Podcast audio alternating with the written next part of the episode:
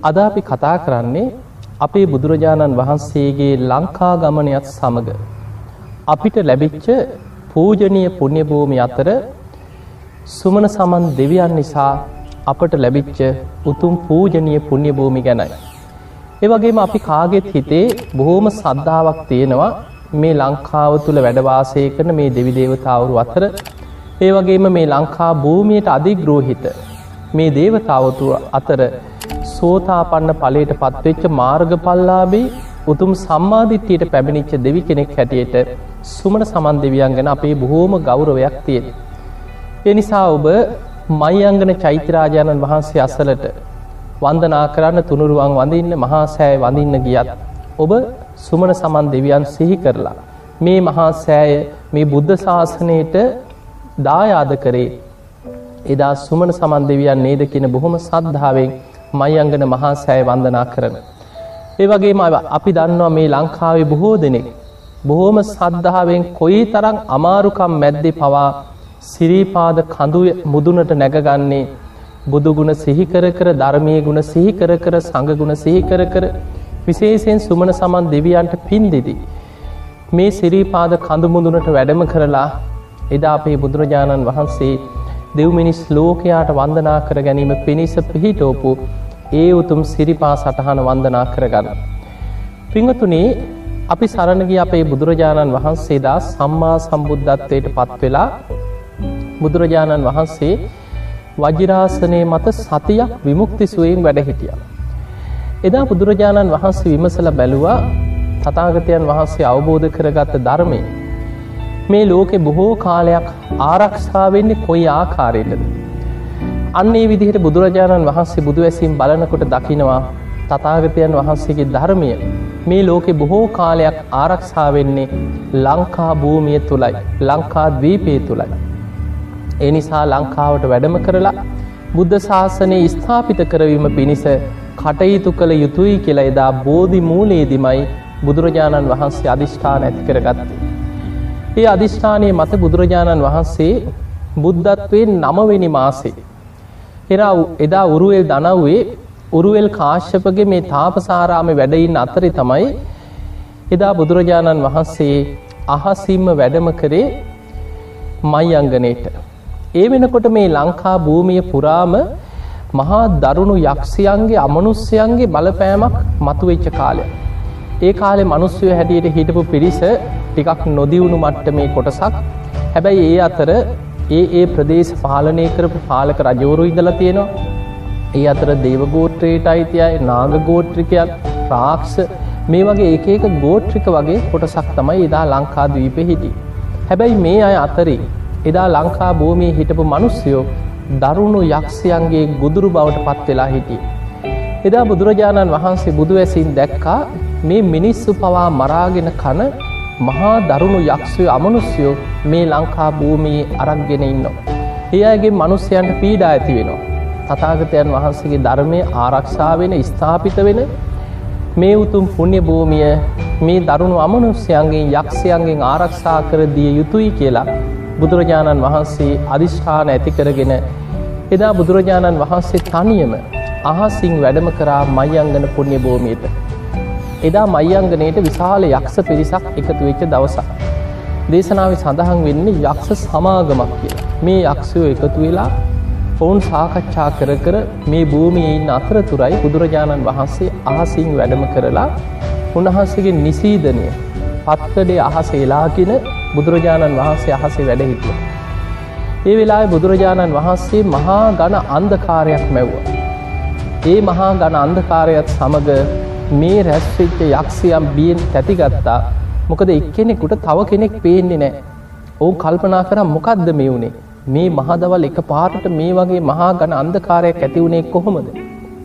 බියෙන් තැතිගෙන වටපිට බලනවා කාටවත් තව කෙනෙක් ළඟ ඉන්න කෙනාවත් පේන්නේ සුළු මොහොතකින් අපේ බුදුරජාණන් වහන්සේ බුද්ධ රශ්මි ධාරාවන් විහිදෝමෙන් උන්වහන්සේ අහසේ වැඩ සිටිමින් බුදුරජාණන් වහන්සේ පේන සැලැස්වා. ඒ අතර බුදුරජාණන් වහන්සේ තේජෝ කසිනයට සමවැදිලා උන්වහන්සේ වැඩ සිටිය නිසීදනේ ගිනි දැල් විහිදෙව්වා.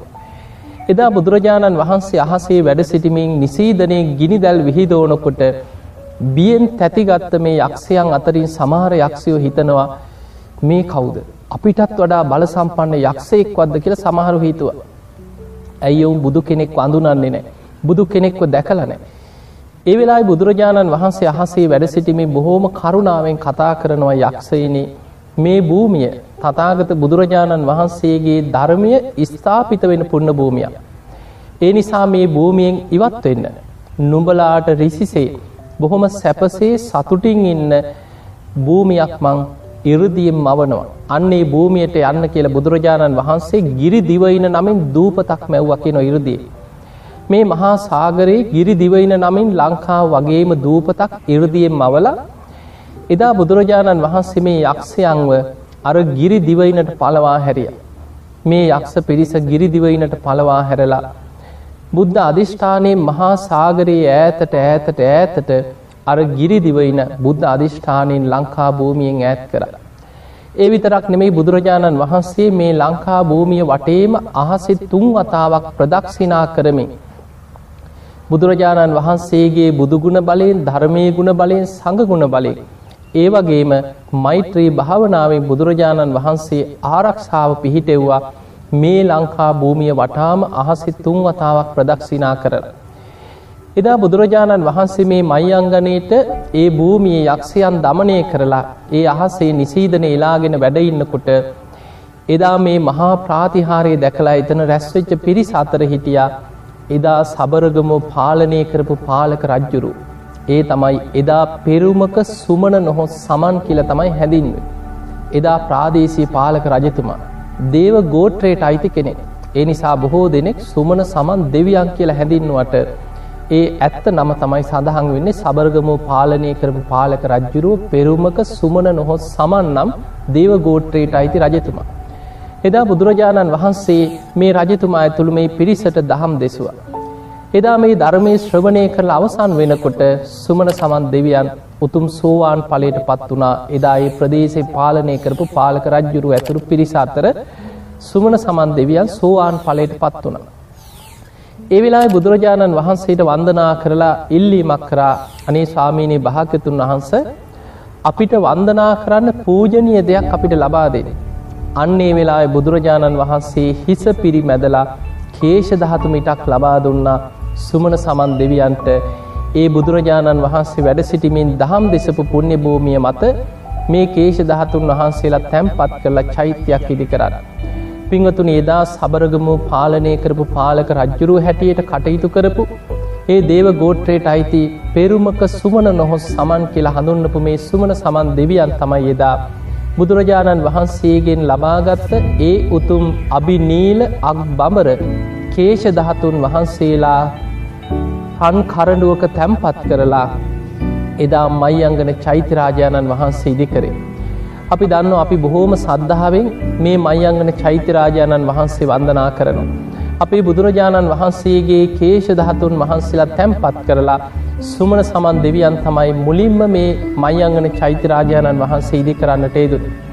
ඊට පස්සේ අපේ බුදුරජාණන් වහන්සේ පිරිනිවන් පෑවට පස්සේ. සරභූ මහරහතන් වහන්සේ බුදුරජාණන් වහන්සේගේ ශ්‍රී දේහය ආදාහනය වෙද්දි. මේ රන් දෙනෙන් ගිනිදල් අතරින් උන්වහන්සේ ඉරදියෙන් බුදුරජාණන් වහන්සේගේ ශ්‍රී ශරීරයේ ග්‍රීවා දහතුන් වහන්සේලා අතට ගත්තා. පිංහතුනි ග්‍රීවා දහතුන් වහන්සේ කියන මේ කොඳු ඇට පේලිය ඉහලින්ම තියෙන අස්ති ධාතු හත.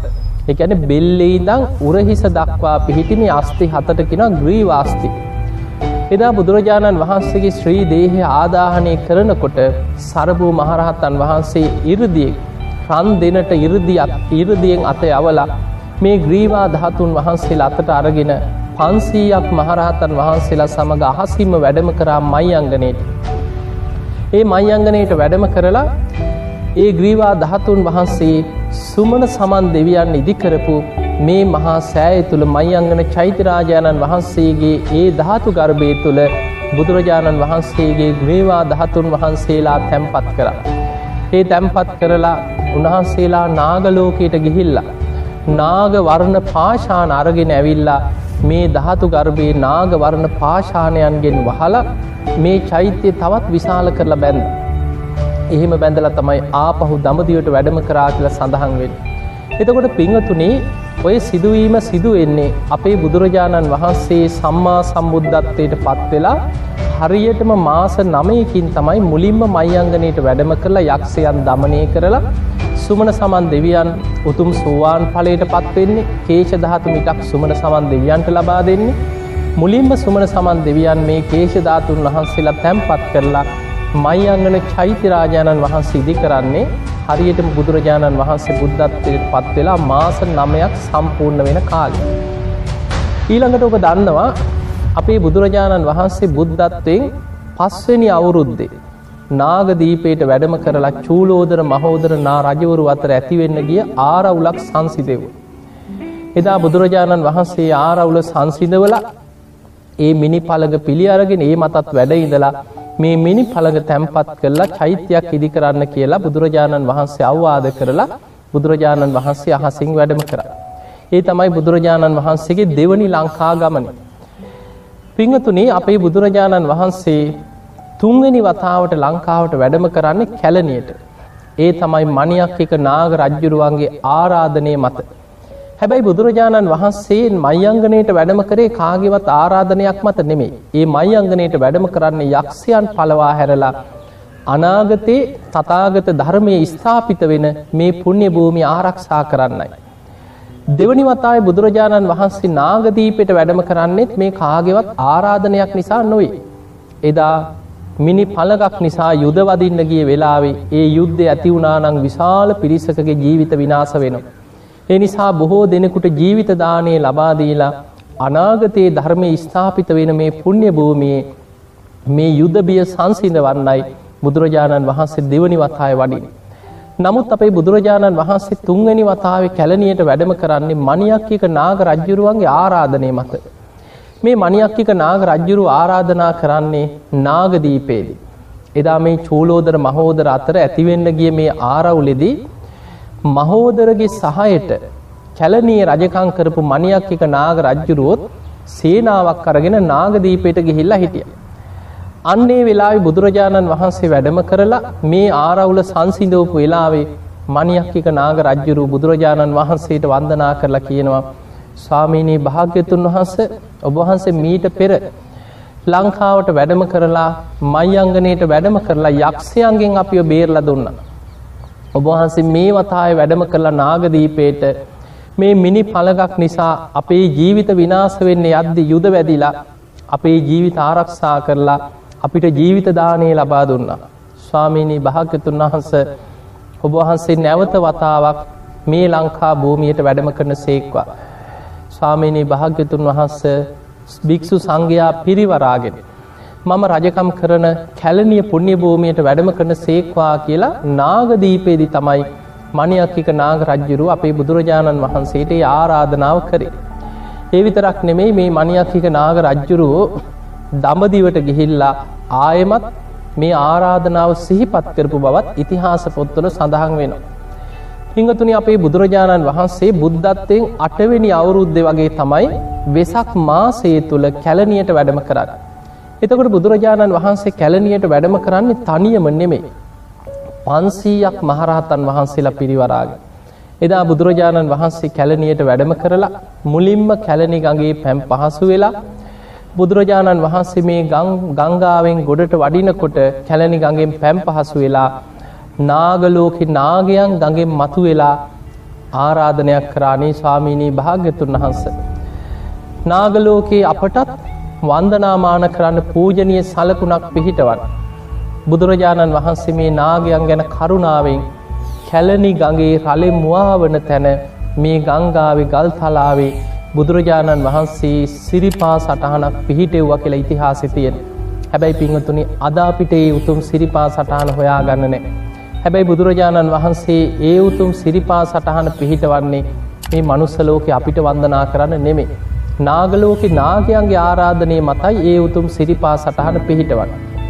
ඒ සිරිපා සටහන පිහිටෝල බුදුරජාණන් වහන්සේ ඊළඟට එතනින් පන්සීයක් භික්‍ෂූන් වහන්සේලා පිරිවරාගෙන පෙරහැරින් වැඩම කරලා අද කැලනී චෛතිරාජාණන් වහන්සේ පිහිටි තැන තමයි බුද්ධ ප්‍රමුඛ පන්සීයක් භික්‍ෂූන් වහන්සේලාට ආසන පනවල මනියක් එක නාග රජ්ජුරු තමන්ගේ මිනි පළඟ ඒ මැනි පුටුව බුදුරජාණන් වහන්සේට පූජා කරලා ඒ වගේම අනිකුත් මහරහතන් වහන්සේලාටත් ආසන පනවලා බොහෝම උත්සවශ්‍රීයෙන් බුද්ධ ප්‍රමුඛ සංඝයාව පිළිගත්තා. එදා බුදුරජාණන් වහන්සේ දානය වළඳලා මේ පිරිසට දහම් දෙසවා බොහෝ පිරිසක් ධර්මය ගැන පැහැදිලා තෙරුවන් සරණ ගිය. එදා බුදුරජාණන් වහන්සේගේ බණහන්න ආපු පිරිස අත්තර දෙවියන් අතර විශාල දෙවිදේවතාවරු පිරිසක් කැලනියට එකතු වෙලා හිටිය. අන්න එතන හිටිය පිංගතුනේ එදා බුදුරජාණන් වහන්සේගෙන් බණහන්න ආපු දේවතාවරු අතර සුමන සමන් දෙවිය. අපේ බුදුරජාණන් වහන්සේ පළවෙනි වතාවේ ලංකාවට වැඩම කරේ බුද්ධත්වයෙන් නමවෙනි මාසේ. ඒ වෙනකොට සබරගමෝ පාලනය කරපු පාලක රජ්ජුරු. පෙරුමක සුමන නොහොත් සමන් කියන මේ ප්‍රාදේශය පාලක දේව ගෝට්‍රේට අයිති රජතුක. නමුත් අපේ බුදුරජාණන් වහන්සේ බුද්ධත්වයෙන් අටවෙනි අවුරුද්ධ වෙසක් මාසේ මේ ලංකා භූමියයට වැඩම කරනකොට ඒ වෙනකොට මේ ලංකා භූමියයේ බොහෝ කාලයක් ගත වෙලා පළවෙනි වතාය වැඩම කරේ මාස නමයකට පස්සේ ආයමත් දෙවනි වතාව අවුරුදු පහකට පස්සේ. තුංගනි වතාය වැඩම කරන්නේ අවුරුදු අටකට පස්සේ. අවුරුදු අටකට පස් බුදුරජාණන් වහන්සේ වඩිනකොට මීට කලින් පළවෙනි වතා වෙනකොට රජකං කරපු රජ්ජුරු මරණයට පත් වෙලා සිරීපාද කඳුයාය විමාන කරගත්ත දේවතාවක් වෙලා දැන් දිව්‍යාත්මයක් ලබල. එදා බුදුරජාණන් වහන්සේගෙන් කේෂ දහතු මිටක් ඉල්ලගෙන මයිංගන චෛත්‍ය ඉදිකරපු මේ රජතුමා ඒ වෙනකොට මරණයට පත්වෙලා සුමන සමන් දෙවියන් හැටියට සිරීපාද කඳුයායි විමාන කරගත් දේවතාවෙක් වෙලා පහළ වෙලා.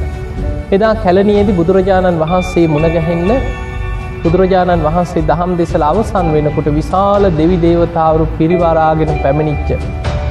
සුමන සමන් දෙවියන් බුදුරජාණන් වහන්සේට ආරාධනයක් කරලා සිහිපත් කරා ස්වාමීනී භාග්‍යතුන් වහන්ස. දෙවියන් වන අපටත් වැදුම් පිදුම් කරන්න පූජනය සලකුණක් පිහිටවන්න කියල. මම මේ වෙනකොට සිරීපාද කඳුයාය විමාන කරගෙනයි මේ දෙවි දේවතාවරු පිරිවරාගෙන වැඩයින්. ඒ නිසා ස්වාමිනී භාග්‍යතුන් වහන්ස ඒ සිරීපාද කඳු මුදුනේ. දෙවියන් වන අපට වැඳුම් පිදුම් කරන්නත් පූජනය සිරිපා සටහනක් පිහිටවන්නේ කියලා ආරාධනයක් කර. බුදුරජාණන් වහන්සේ කැලනියෙන් පන්සීයක් මහරහත්තන් වහන්සේලා සමඟ ඊළඟට වැඩම කරන්නේ සුමන සමන් දෙවියන්ගේ ආරාධනය මත සිරීපාද කඳුමුදුනටයි බුදුරජාණන් වහන්සේ වැඩම කරන්න. එදා පන්සීයක් මහරහතන් වහන්සේලා සමඟ බුදුරජාණන් වහන්සේ අහසිං වැඩම කරලා සිරීපාද කඳුමුදුනට. මේ කඳු මුදුනේ පිහිටි ඒ ගල් තලාවේ ඒ මුදුන බුදුරජාණන් වහන්සේ බුද්ධ අධිෂ්ඨානයෙන් හරියට මැටි පිඩක්සේ මෙලෙක් කරා කියලා ධර්මය සඳහන් වෙනවා ඉතිහාස පොත්තල. කෙනෙක් මැටි පිඩක් මත පා සටහනක් තියෙනවා වගේ. බුදුරජාණන් වහන්සේ බුද්ධ අධිෂ්ඨානයෙන් සිරීපාද කඳු මුදුනේ මේ උතුම් ගල් තලාවේ ඒ සිරිපා සටහන පිහිටවන තැන මැටි පිඩක්සේ අධිෂ්ඨාන කරලා උන්වහන්සේගේ සිරිපා සටහන පිහිටෝනුවත් දහසක් නිම් වලලුවලින් යුතු මේ චක්‍ර ලක්ෂණ. ඒ මංගල ලකුණු ආදී මේ උතුම් සිරිපා සටහනේ පිහිටි මේ සියලු ලක්ෂණ පිහිටලා. මේ උතුම් සිරිපා සටහන අවුරුදු පන්දාහක් යනතෙක් නොමැකී පවතීවා දෙව් මිනිසුන්ගේ වන්දනා ලබමින් අවුරුදු පන්දාහක් කල් පවතීවා කියල බුදුරජාණන් වහන්සේ අධිෂ්ඨානයක් තියලා ඒ උතුම් සිරිපා සටහන පිහිටෝනවා සුමන සමන් දෙවියන්ගේ ආරාධනය මත. බුදුරජාණන් වහන්සේ එදා මේ උතුම් සිරිපා සටහන පිහිටෝල එදා ඒ සිරිපාද කඳු මුදුනෙදි දෙවියන්ටත් ධර්ම දේශනා කරලා. එතනින් වැඩම කරේ දිවා විහරණය පිණිස දිවා ගුහායි වැඩ හිටිය කියල සඳහන් වෙනවා. එතකොට බලන්න පිංහතුනේ අද දැම් බලන්න සුමන සමන් දෙවියන් ආරාධනා කරේ දෙවියන් වන අපට වන්දනා කරන්න උතුම් සිරිපා සටහනක් පිහිටවත්. දැන් ඔබ දන්නවා බුදුරජාණන් වහන්සේ කැලනියට වැඩම කරපු වෙලාවේ නාගලෝක නාගේනු තාරාධනා කරලා මුලින්ම සිරිපා සටහනක් පිහිටව ගත්තා. ඒ තමයි කැලනි ගගේ රලෙ මවා වන තැන. එතනදි නාගයන් ඉල්ලීමක් කරේ ස්වාමීනී භාග්‍යතුන් වහස නාගලෝක අපිට වැඳුම් පිදුම් කරන්න උතුම් සිරිපා සටහනක් පිහිටවන. ඒ නිසා ඒ පිහිටෝපු උතුම් සිරිපා සටහන අද මනුස්සලෝක අපිට හොයාගන්න නෑ හැබැයි නාගයන් අදටත් බොහොම සද්ධාවෙන් වන්දනාමාන කරනව ඇති. සුමන සමන් දෙවියන් ආරාධනා කරේ ස්වාමීනී භාග්‍යතුන් වහන්ස දෙවි දේවතාවරුන්ට දෙවියන්ට වැඳුම් පිදුම් කරන්න උතුම් සිරිපා සටහනක් මේ කදු මුදුනේ පිහිටවන සේක්වා. දැන් ඔබ දන්නවා අපේ බුදුරජාණන් වහන්සේ මහා කාරුණිකයි. අපි බුදුරජාණන් වහන්සේගේ බුදුගුණ ගැන කියනකොට අපි නිතර සිහි කරන දෙයක් තමයි මහා කාරුණිකයාණන් වහන්සේ. දැන් කෙනෙකුට හිතෙන්න පුළුවන් ඉතින් මහා කාරුණික බුදු කෙනෙක්. ඇයි මේ මිනිස්සුන්ට නගින්න අමාරු මේ කඳු මුදුනක කන්දක් උඩ මේ සිරිපා සටහන පිහිටෙව්වේ. ඉතින් බුදුරජාණන් වහන්සේ මහා කාරුණික නම් මිනිස්සුන්ට වඳින්න පුදන්න පහසු තැනක මේ සිරිපා සටහන පිහිටවන්න තිබ්බනේ. ඇයි මෙච්චර අමාරු තැනක මේ කිලෝමීට ගානක් අමාරුවෙන් නැගල කකුල් රිදෙනකං අමාරුවෙන් නැගල මේ කන්දක් මුදුනේ අමාරුම තැනක පිහිටවන්නේ එහෙම කෙනෙක් තර්ක කරන්න පුළුව. පිංහතුනී එදා බුදුරජාණන් වහන්සේ මේ උතුම් සිරිපා සටහන පිහිටවන්නේ මනුස්්‍යයන්ගේ ආරාධනයක් මත මිනිස්සුන්ට වඳන්න නෙවෙයි. එදා ඒ ආරාධනය කරේ සුමන සමන් දෙවියක්. දෙවියන් වන අපට වැදුම් පිදුම් කරන්න ඒ දෙවියන් විමාන කරගෙන ඉන්න ඒ කඳුමුදුනේ ඉහළම තැන පූජනියම තැන දෙවියන්ට වැඳුම් පිදුම් කරන්න ඒ උතුම් සිරිපා සටහන පිහිටවන්නයි ආරාධනා කරේ. ඒ නිසයි බුදුරජාණන් වහන්සේ මේ කඳු මුදුනේ ඒ උතුම් සිරිපා සටහන පිහිටවන්. තැම් බලන්න පිංහතුනේ අපි අවුරුද්ධ ගත්තාම මාස කීපයයි මේ මනුස්සලෝක මිනිස්සු. ඔබ මේ ලංකාවේ අය බොහොම සද්ධාවෙන් සිරීපා කරුණා කරමින් බුදුගුණ සිහිකර කර දහම් ගුණ සිහිකර කර සුමන සමන් දෙවියන්ට භාරහාරවෙමින් සුමන සමන් දෙවියන්ට පින්දිදී තුනුරුවන් ගුණ සිහිකර කර බොහොම අමාරුවෙන් මේ සිරීපාද කඳු මුදුරට නැගලා සිරිපා වන්දනා කරගන්නේ අවුරුද්ධ මාස කීපයයි ඔබ. හැබැයි මිනිස්සු ගියත් නැතත් අපි දන්නවා දැන් අවාර කාලය එනකොට සමහරු අවාරි දැන් සිරීපාද යන කාලෙ නෙවෙයි කිය.